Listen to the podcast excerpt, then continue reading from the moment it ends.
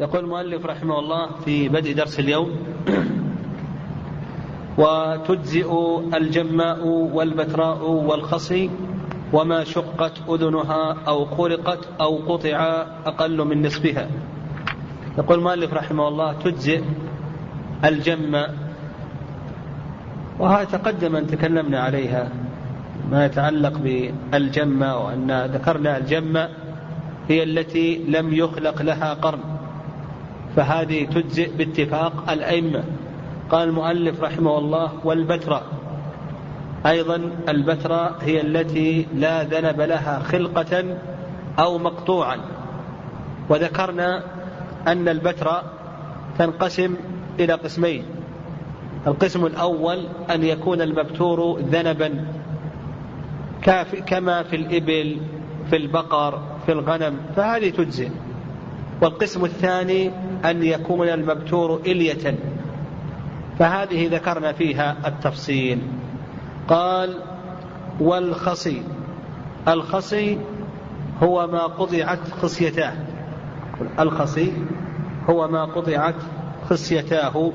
فهذا يجزئ ويدل لذلك حديث أبي رافع رضي الله تعالى عنه أن النبي صلى الله عليه وسلم ضحى بكبشين موجوئين يعني خصيين. حديث أبي رافع رضي الله تعالى عنه أن النبي صلى الله عليه وسلم ضحى بكبشين موجوئين يعني خصيين. وهذا رواه الإمام أحمد رحمه الله. ولأن الاخصاء يزيد في سمن البهيمة وطيب لحمها. وقوله والخصي. الخصي ينقسم إلى قسمين. القسم الأول ما قطعت خصيته فقط فهذا يجزي القسم الثاني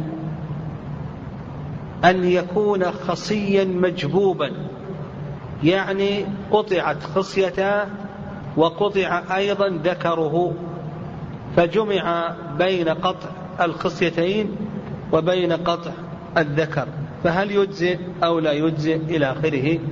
المشهور من مذهب الإمام أحمد رحمه الله أنه إذا كان خصيا مجبوبا أنه لا يجزئ. والأقرب في ذلك الإجزاء لأن سبق أن ذكرنا أن الذي لا يجزئ هو ما دل عليه حديث البراء بن عازب رضي الله تعالى عنه وما كان في معنى تلك العيوب التي نص عليها النبي صلى الله عليه وسلم. قال وما شقت أذنها أو خرقت أو قطع أقل من نصفها. تقدم الكلام على الأعظم وأن الأعظم آه، هو الذي ذهب أكثر أذنها أو قرنها. وهل يجزئ أو لا يجزئ؟ إلى آخره. تقدم الكلام على هذه المسألة. وذكرنا أن الصواب في هذه المسألة أنه مجزئ ولا بأس به. قال والسنة نحر الإبل قائمة معقولة يدها اليسرى. هذا السنة. السنة نحر الإبل قائمة معقولة يدها اليسرى. ويدل لذلك القرآن والسنة. أما القرآن فقول الله عز وجل فاذكروا اسم الله عليها صواف أي قياما على ثلاث قوائم. وأيضا قول الله عز وجل فإذا وجبت جنوبها. هذا يدل على أنها قائمة. قوله وجبت جنوبها يعني سقطت على جنبها. هذا مما يدل على أنها قائمة. ولحديث ابن عمر من السنة حديث ابن عمر رضي الله تعالى عنهما أنه أتى على رجل قد أناخ قد أناخ راحلته فنحرها فقال ابعثها قياما مقيدة سنة محمد صلى الله عليه وسلم. فقال ابعثها قياما مقيدة سنة محمد صلى الله عليه وسلم. قال وذبح البقر والغنم على صفاحها. يعني البقرة تذبح ذبحا. ويدل لذلك قول الله عز وجل إن الله يأمركم أن تذبحوا بقرة. إن الله يأمركم أن تذبحوا بقرة وأيضا حديث أنس رضي الله تعالى عنه أن النبي صلى الله عليه وسلم ضحى بكبشين أملحين. قال فرأيته واضعا قدمه على صفاحهما يسمي ويكبر فذبحهما بيده. حيث أنس رضي الله تعالى عنه أن النبي صلى الله عليه وسلم ضحى بكبشين أقرنين. أملحين وفي رواية أقرنين. قال فرأيته واضعا قدمه على صفاحهما يسمي ويكبر فذبحهما بيده. وهذا أخرجه البخاري في صحيحه. قال على صفاحهما ويقول عند ذلك بسم الله والله أكبر. وقوله يقول بسم الله والله أكبر هذا كما تقدم في حيث أنس رضي الله تعالى عنه قال فرأيته واضعا قدمه على صفاحهما يسمي ويكبر. والتسمية شرط من شروط صحة آه، التذكية. التسمية شرط من شروط صحة التذكية لحديث رافع بن خديج رضي الله تعالى عنه أن النبي صلى الله عليه وسلم قال ما أنهر الدم وذكر اسم الله عليه فكل فاشترط الله فاشترط النبي صلى الله عليه وسلم الحل شرطين الشرط الأول إنهار الدم والشرط الثاني ذكر اسم الله عز وجل.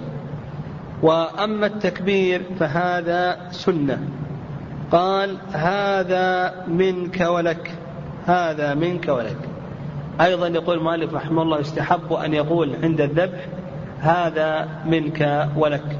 ومعنى قوله هذا منك ولك أي هذا من فضلك ونعمتك لا من حولي ولا قوتي. هذا من فضلك ونعمتك لا من حولي ولا من قوتي ولك التقرب لا إلى من سواك. قال هذا منك ولك ويدل لذلك. نعم.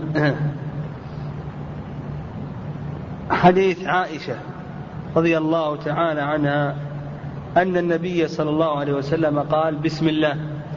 اللهم تقبل من محمد وآل محمد ومن أمة محمد.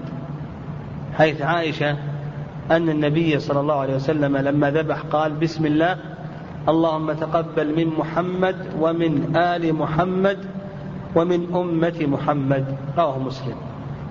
فالأحسن للمسلم أن يقتصر على السنة وأن يقول بسم الله هذه كما ورد ويقول الله أكبر ويقول اللهم تقبل اللهم تقبل من فلان ومن آل فلان. هذا هو الوارد عن النبي عليه الصلاة والسلام. وأما قول اللهم هذا منك ولك فهذا لا أعرف فيه سنة ثابتة عن النبي صلى الله عليه وسلم. لكن الثابت كما أسلفنا هو أن يقول اللهم تقبل من محمد وآل محمد ومن أمة محمد.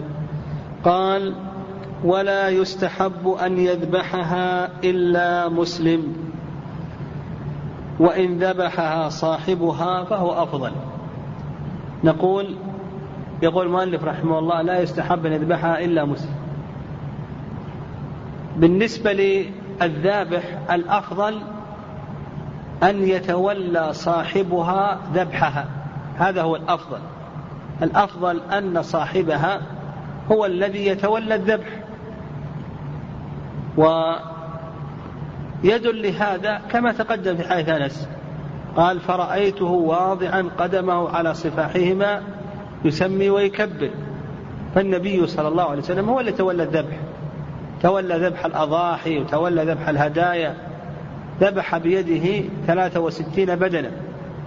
فالأفضل للإنسان أن يتولى الذبح بنفسه إن كان يحسنه لعدة أمور. الأمر الأول أن هذا هو هدي النبي صلى الله عليه وسلم فبحيث أنس السابق حيث جابر أن النبي صلى الله عليه وسلم ذبح بيده ثلاثة وستين بدنة الأمر الثاني أن هذا الذبح عبادة يؤجر عليها الإنسان. فكون الإنسان يتولى الذبح بنفسه هذه عبادة يؤجر عليها. الأمر الثالث الأمر الثالث أن نعم الأمر الثالث أن الإنسان إذا تولى الأمر بنفسه فإنه يكون أكثر طمأنينة مما لو تولاه غيره. يقول إذا تولى الإنسان الأمر بنفسه فإنه يكون أكثر طمأنينة إلى تحقق الشروط الشرعية في هذه العبادة مما لو وكل غيره فهو يتحقق من التسمية يتحقق من إنهار الدم إلى آخره. قال طيب هذا إن تولاها بنفسه قلنا هذا هو الأفضل. إذا كان لا يحسن ذلك أو كان معذورا ونحو ذلك فإنه يوكل. قال ولا يستحب أن يذبحها إلا مسلم. التوكيل إذا وكل فإن هذا لا يخلو من أمرين. الأمر الأول أن يوكل مسلما. فهذا التوكيل صحيح بالاتفاق. والتوكيل صحيح بالاتفاق. وإذا وكل مسلما يستحب أن يشهدها ويحضرها. إذا لم يتولاها بنفسه. الأمر الثاني أن يوكل كتابيا. يعني ممن تحل ذبيحته كاليهود والنصراني إلى آخره فهذا موضع خلاف بين أهل العلم رحمهم الله. هل تصح تذكية الكتاب للأضحية ونحوها أو لا تصح؟ هذا فيه لا ترى العلماء. الرأي الأول أنها تصح لأن الكتاب من أهل التذكية. فإذا ذبح الأضحية ونحو ذلك فإن هذا جائز ولا بأس به.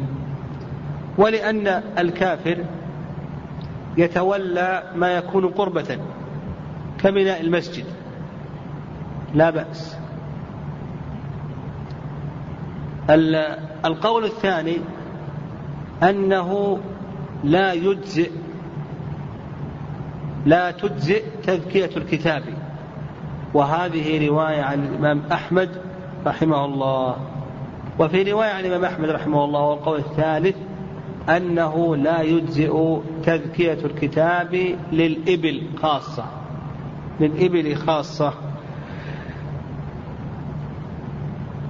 وما عدا ذلك فإنه مجزئ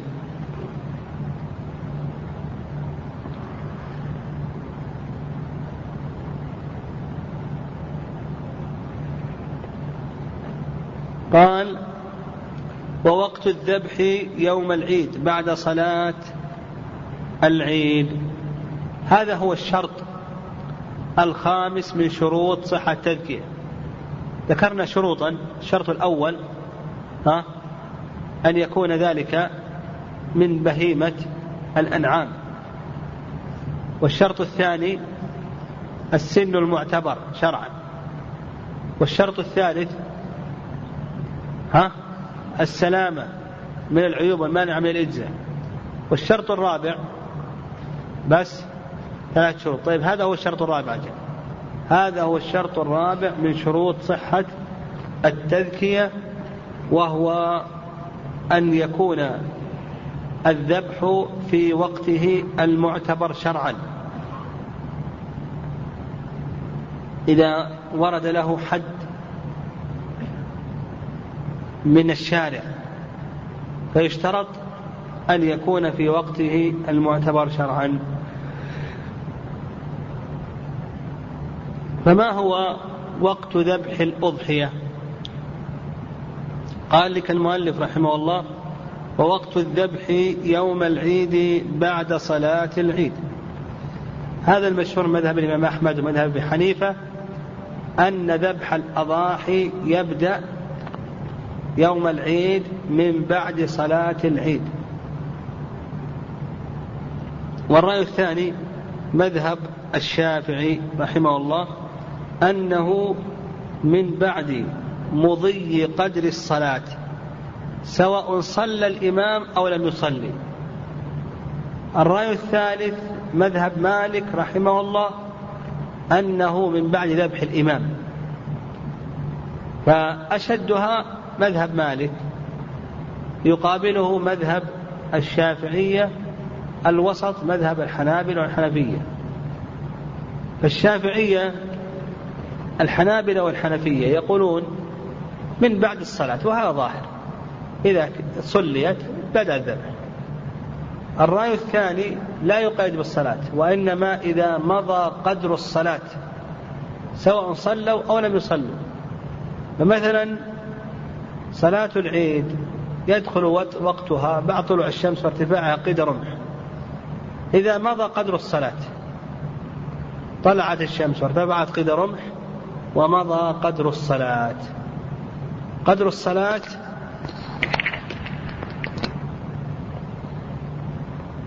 مثلا ثلث ساعة. فإذا مضى ثلث ساعة بعد طلوع الشمس وارتفاعها قيد رمح. ما الحكم هنا؟ يقولون بأن ها؟ يقولون بأن الوقت قد دخل. حتى ولو كان الناس يصلون. المهم إذا مضى قدر الصلاة بعد دخول وقتها الشافعية رحمهم الله يرون أن الذبح قد حل. الرأي الثالث رأي الإمام مالك رحمه الله أنهم بعد ذبح الإمام. لكل منهم دليل. أما الذين قالوا بأن الذبح يبدأ من بعد الصلاة فاستدلوا بحديث البراء بن عازب رضي الله تعالى عنه أن النبي صلى الله عليه وسلم قال إن أول ما نبدأ به في يومنا هذا أن نصلي ثم نرجع فننحر. إن أول ما نبدأ به في يومنا هذا أن نصلي ثم نرجع فننحر. من فعل فقد أصاب سنتنا. من فعل فقد أصاب سنتنا. ومن ذبح قبل فإنما هو لحم قدمه لأهله. ليس من النسك في شيء هذا في الصحيحين حيث البراء ظاهر. إن أول ما نبدأ به في يومنا هذا أن نصلي ثم نرجع فننحر.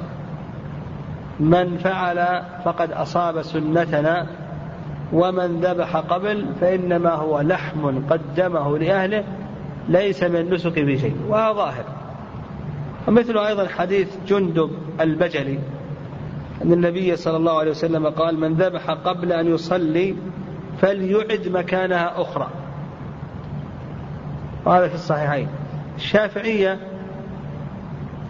يستدلون على ذلك بأن النبي صلى الله عليه وسلم رتب الذبح على فعل الصلاة والمراد الزمن بدليل من لا يصلي أهل أهل البوادي الذين لا يصلون ما عندهم صلاة عيد وش يعتبرون؟ ها؟ مضي ماذا؟ مضي الزمن أهل البادية الذين لا يصلون المعتبر عندهم هو مضي الزمن فقالوا هذا دليل أن المعتبر هو ماذا؟ هو مضي الزمان أما رأي مالك رحمه الله فإنه يستدل على هذا بحيث جابر رضي الله تعالى عنه أن النبي صلى الله عليه وسلم صلى بهم يوم النحر بالمدينة فسبقهم رجال فنحروا وظنوا أن النبي صلى الله عليه وسلم قد نحر. فأمر النبي صلى الله عليه وسلم كل من نحر قبله أن يعيد بنحر آخر. ولا ينحر حتى ينحر النبي صلى الله عليه وسلم. أي جابر في مسلم أن النبي صلى الله عليه وسلم صلى بهم يوم النحر بالمدينة. فسبقهم رجال فنحروا وظنوا أن النبي صلى الله عليه وسلم قد نحر. فأمر النبي صلى الله عليه وسلم كل من نحر قبله أن يعيد بنحر آخر ولا ينحر حتى ينحر النبي صلى الله عليه وسلم. رواه مسلم. والصواب في هذه المسألة ما ذهب إليه الحنابلة والحنفية وأن الأمر معلق بالأمر معلق بفعل الصلاة. وأما حيث جابر هذا فأجاب عنه النووي رحمه الله وغيره أن المراد بذلك الزجر عن التسرع إلى الذبح الذي قد يؤدي إلى الذبح قبل الوقت. هذا المراد. المراد بذلك الزجر عن التسرع إلى الذبح المؤدي إلى أن يذبح قبل دخول الوقت. وأما كونه أما رأي الشافعية وأنه المعتبر الزمن بدليل من لا يصلي فهذا ضعيف. لا لا اجتهاد في مقابلة النص ولا اجتهاد في مع مقابلة ولا اجتهاد مع النص. فتبين لنا أن وقت ذبح الأضحية يبدأ من بعد فعل الصلاة. هذا بالنسبة لمن يصلي. بالنسبة لمن لا يصلي. كأهل البوادي أو القرى الذين ليس عندهم عيد ونحو ذلك فهذا إذا مضى قدر الصلاة. يقدرون فإذا مضى قدر الصلاة فإنهم يذبحون. فإذا قلنا بأن الصلاة تستغرق ثلاثين دقيقة أو عشرين دقيقة الصلاة تستغرق مثلا عشرين دقيقة إذا مضى قدر الصلاة فإنهم يذبحون. وقال بعض العلماء يعني كما قال الإمام مالك رحمه الله بأنهم يذبحون من بعد ذبح أقرب الأئمة إليه ينظرون من أقرب الأئمة إليهم ويذبحون بذبحه. والصواب في ذلك هو ما ذهب إليه أهل الرأي الأول وهو قول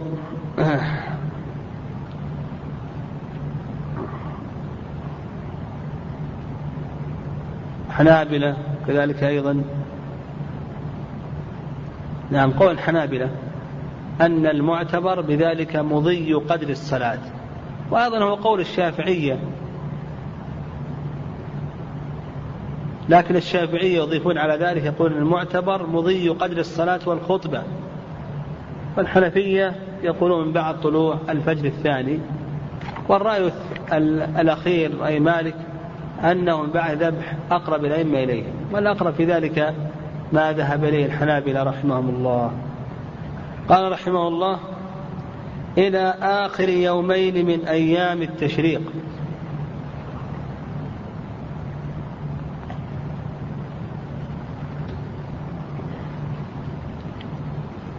فتكون مدة الذبح ثلاثة أيام. يوم العيد ويومان بعده. فأيام الذبح ثلاثة. هذا ما ذهب إليه المؤلف رحمه الله. وهو قول جمهور أهل العلم رحمهم الله. واستدلوا على ذلك بأن الله عز وجل قال ليشهدوا منافع لهم ويذكر اسم الله في أيام معلومات على ما رزقهم من بهيمة الأنعام. قال ويذكر اسم الله في أيام معلومات. والأيام المعلومات جمع. وأقل الجمع كم؟ ثلاثة. أقل الجمع ثلاثة. فدل ذلك على أن أيام الذبح ثلاثة. أقل الجمع ثلاثة. يوم العيد ويومان بعده. فدل ذلك على أن أقل الجمع ماذا؟ دل ذلك على أن أيام الذبح تكون ثلاثة أيام. والرأي الثاني مذهب الشافعي واختاره الشيخ الإسلام ابن القيم. أن أيام الذبح أربعة وليست ثلاثة يوم العيد وثلاثة أيام بعده بعد يوم العيد.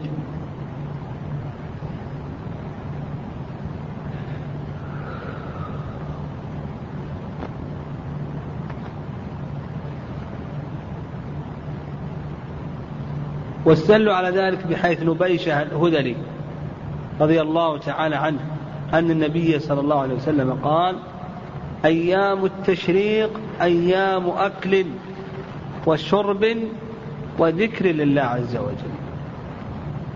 فقال وذكر لله عز وجل ومن ذكره ذكره عند عند الذبح. يعني من ذكره ذكره عند الذبح التسمية والتكبير وقول اللهم تقبل إلى آخره. وأيام التشريق كم من يوم؟ ثلاثة. مع يوم العيد فتكون ماذا؟ تكون أربعة. وقال ابن القيم رحمه الله بأن أيام التشريق تتحد أحكامها. أيام التشريق تتحد أحكامها. يحرم فيها الصيام ويشرع فيها الرمي بعد الزوال ويشرع فيها البيتوتة بمنى في تلك الليالي. ما يبقى إلا ماذا؟ ها؟ ما يبقى إلا الذبح الذبح كما قلنا أكثر أهل العلم يقولون بأن الذبح في اليوم الأول والثاني. اليوم الثالث من أيام التشريق ما في ذبح. فيقول ابن القيم رحمه الله الذبح أيضا كسائر الأحكام. الذبح كسائر الأحكام. كما أن هذه الأيام لا صيام فيها هذه الأيام فيها الرمي فيها التكبير فيها البيتوتة بمنى ليالي أيام التشريق فكذلك أيضا يكون فيها ماذا؟ يكون فيها الذبح. وورد أيضا في حديث جبير بن مطعم أنه قال أيام التشريق ذبح أو كل أيام التشريق ذبح. وهذا الحديث أخرجه الإمام أحمد رحمه الله لكنه مرسل. وعلى كل حال الصواب في هذه المسألة ما ذهب إليه الشافعي رحمه الله. اختار شيخ الإسلام تيمية أن أيام التشريق كلها يذبح فيها. وعلى هذا تكون الأيام للذبح أربعة. تكون الأيام للذبح أربعة. يوم العيد وثلاثة أيام بعده. طيب الذبح في ليالي أيام التشريق. هل هو يكره أو لا يكره؟ أما الإجزاء فإنه مجزئ. لكن هل يكره أو لا يكره؟ إلى آخره.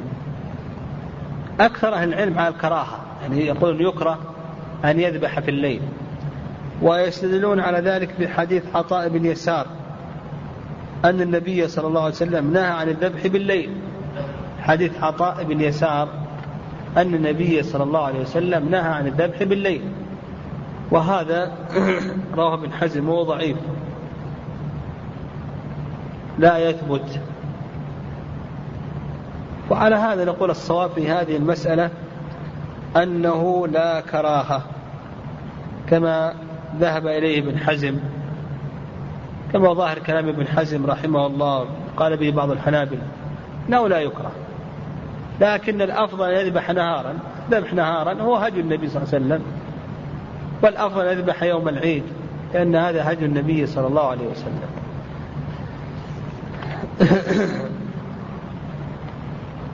قال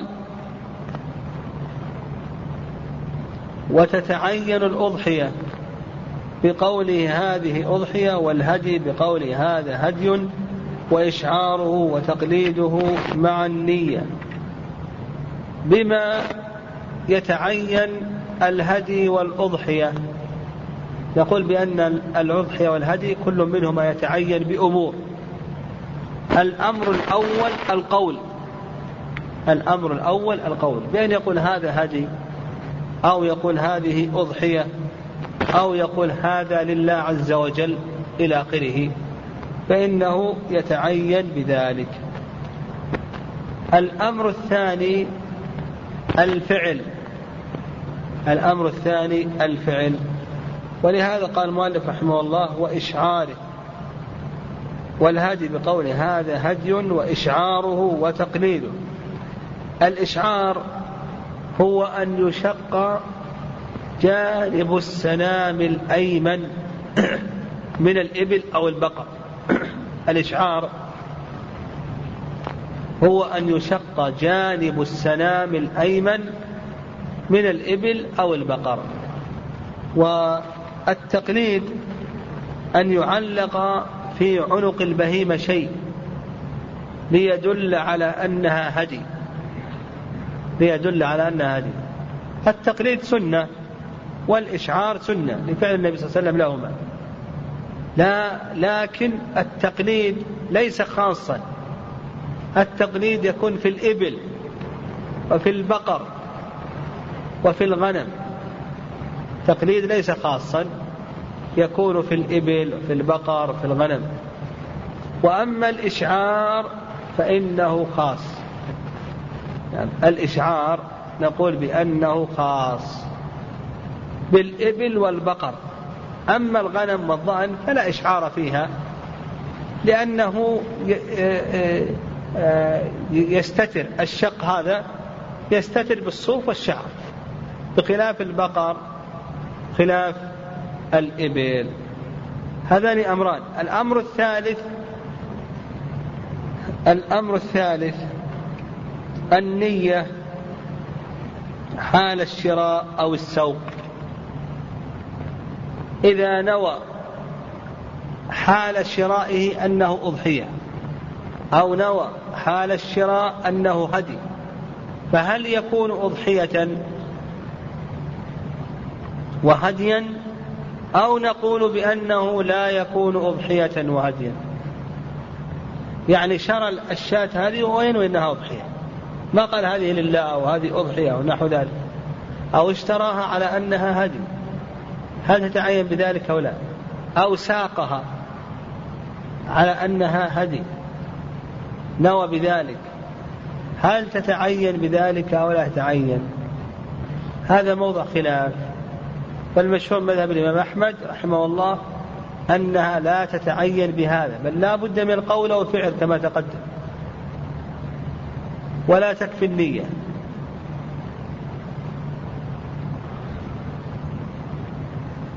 والرأي الثاني أنها تتعين بذلك وهذا اختاره شيخ الإسلام تيمية رحمه الله وبه قال أبو حنيفة. والصواب في هذه المسألة أنه إذا اشتراها بنية الأضحية أنها لا تتعين. كما لو أخرج دراهم لكي يتصدق بها. نوى تصدق بها. ثم رجع. نقول بأن هذا جائز ولا بأس بذلك. قال ولا يعطي الجزار بأجرته شيئا منها. لما تكلم المؤلف رحمه الله عن ما تتعين به الهدي والأضحية ذكر بعض الأحكام المترتبة على هذا التعين. يعني إذا حصل تعيين الهدي والأضحية فهناك أحكام مترتبة على ذلك. من هذه الأحكام قال ولا يعطي الجزار بأجرته شيئا منها وهذا باتفاق الأئمة. لا يعطيه من اللحم مقابل أجرة. أو يعطيه الجلد مقابل الأجرة. مثلا أجرة الذبح تساوي عشرين ريالا فيعطيه من اللحم بقدر عشرين ريالا. قل هذا لا يجوز. أو يعطيه الجلد الذبح عشرين ريال والجلد بعشرة ويعطيه عشرة ريالات. يقول هذا لا يجوز. ويدل لذلك حديث علي رضي الله تعالى عنه قال وألا أعطي الجازر منها شيئا وقال نحن نعطيه من عندنا. يقول وألا أعطي الجازر يعني النبي صلى الله عليه وسلم أمره أن يقوم على بدنه. قال ولا وألا أعطي الجازر منها شيئا وقال أي النبي صلى الله عليه وسلم نحن نعطيه من عندنا. يعني أجرة. وهذا في الصحيحين. وقول المؤلف رحمه الله بأجرته يخرج ما لو أعطاه شيئا لا يكون أجرة فإن هذا لا بأس. لو أعطاه من اللحم صدقة ونحو ذلك أو هدية ونحو ذلك فنقول بأن هذا جائز ولا بأس بذلك. قال رحمه الله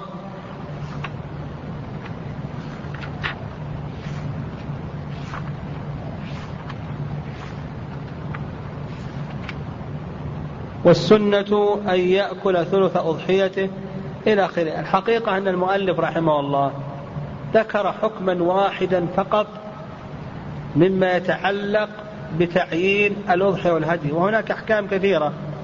نذكر أهم هذه الأحكام باختصار على سبيل الإجمال. نقول مما يترتب على تعيين الأضحية يعني إذا تعينت هذه الشاة أنها أضحية أو أنها هدي. يترتب على ذلك أحكام. الحكم الأول نعم الحكم الأول أنه لا يجوز نقل الملك فيها. لا ببيع ولا هبة ولا غيرها. نقول نقل الملك فيها هذا غير جائز. لا يجوز نقل الملك فيها. لا ببيع ولا هبة ولا غير ذلك إلا أن العلماء رحمه الله استثنوا إذا أبدلها بخير منها فقالوا بأن هذا جائز ولا بأس به. هذا الحكم الأول. الحكم الثاني ما سبق الإشارة إليه أنه لا يعطي الجازر بأجرته شيئا منها. الحكم الثالث الحكم الثالث أنه لا يتصرف فيها تصرفا مطلقا. لا يتصرف فيها تصرفا مطلقا فلا يستعملها في حرث إذا كانت بقرة ما يستعملها للحرث أو يستعملها في الركوب إذا كانت بعيرا ما يركب البعير إلا لحاجة. أو نعم إلا لحاجة أو ضرورة. لكن إذا كان يتضرر بالركوب فإنه ما يجوز أن يركبه. أيضا ليس له أن يحلب منها ما يحتاجه ولدها ولدها المتعين معها أو فيه نقص عليها. ليس له أن يحلب منها ما يحتاجه ولدها المتعين معها أو فيه نقص عليها. أيضا ليس له أن يجز من صوفها شيئا إلا أن يكون أنفع لها. ليس له أن يجز من صوفها شيئا إلا أن يكون أنفع لها. وإذا جز الصوف كان الجز أنفع هو بالخيار إما أن ينتفع به وإما أن يتصدق به. وإن تصدق به فهذا أفضل.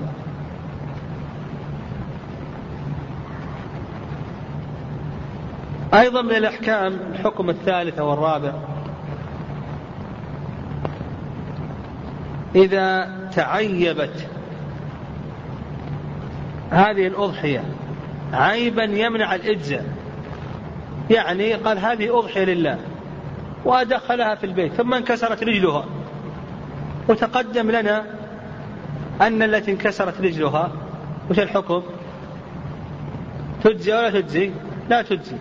أو انفقعت عينها لا تجزي. وهذا يحصل كثيرا. يشتري الشاة ويجعلها بالسيارة ثم تقفز. يعني يقول هذه أضحية أو لله يعينها ثم تقفز الأضحية من السيارة ثم تنكسر. هل يجب عليه أن يبدلها أو لا يجب عليه أن يبدلها. أو مثلا تضيع الأضحية تهرب تضيع. هل يجب عليه البدل أو لا يجب عليه البدل؟ نقول هذا لا يخلو من أمرين. لا يخلو من أمرين. الأمر الأول أن يكون ذلك بتعد وتفريط منه. بتعد وتفريط منه. ما هو التعدي؟ التعدي فعل ما لا يجوز. والتفريط ترك ما يجب. التعدي فعل ما لا يجوز والتفريط ترك ما يجب. بتعدي وتفريط منه. مثلا شد عليها الوثاق الحبل. فأدى ذلك إلى كسر الرجل. أو تركها فوق السيارة لم يربطها فقفزت. وانكسرت. المهم هناك تعدي منه أو تفريط أو ترك الإطعام لها حتى ماتت أو ترك الباب مفتوح حتى هربت. المهم ما دام هناك تعد وتفريط فتعيبت أو ظلت فإنه يضمنها. نقول بأنه يضمن. هذا القسم الأول. القسم الثاني أن يكون ذلك بغير تعد ولا تفريط. أن يكون ذلك بغير تعد منه ولا تفريط. لم يتعدى ولم يفرط. لم يترك واجبا ولم يفعل محرما. فانكسرت أو ضلت أو تعيبت ونحو ذلك فنقول بأنها تجزئ يذبحها وهي مجزئة.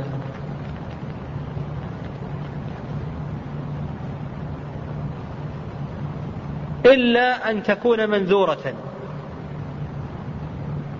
تكون هذه الشاة منذورة يعني قد نذر التضحية. إلا أن يكون نذرا إلا أن يكون نذرا بأن يكون نذر أن يضحي. فهذه لا تجزي إلا سليمة حتى وإن كان بغير تعد ولا تفريط منه. يعني حتى ولو كان بغير تعد ولا تفريط منه.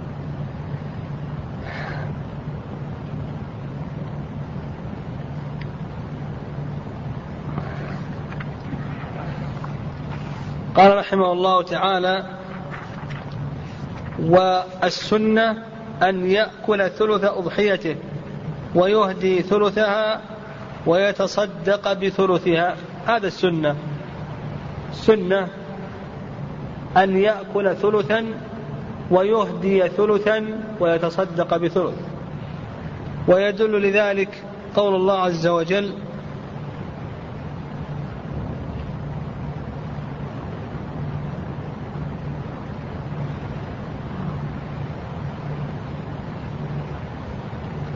نعم. يدل ذلك قول قول الإمام أحمد. نعم. أذهب إلى فعل عبد الله. يعني ادعى ذلك فعل عبد الله بن مسعود رضي الله تعالى عنه. يقول أذهب إلى فعل عبد الله. يأكل ثلث ويهدي ثلث ويتصدق بثلث. والرأي الثاني أنه يأكل النصف ويتصدق بالنصف بقول الله عز وجل فكلوا منها وأطعموا البائس الفقير.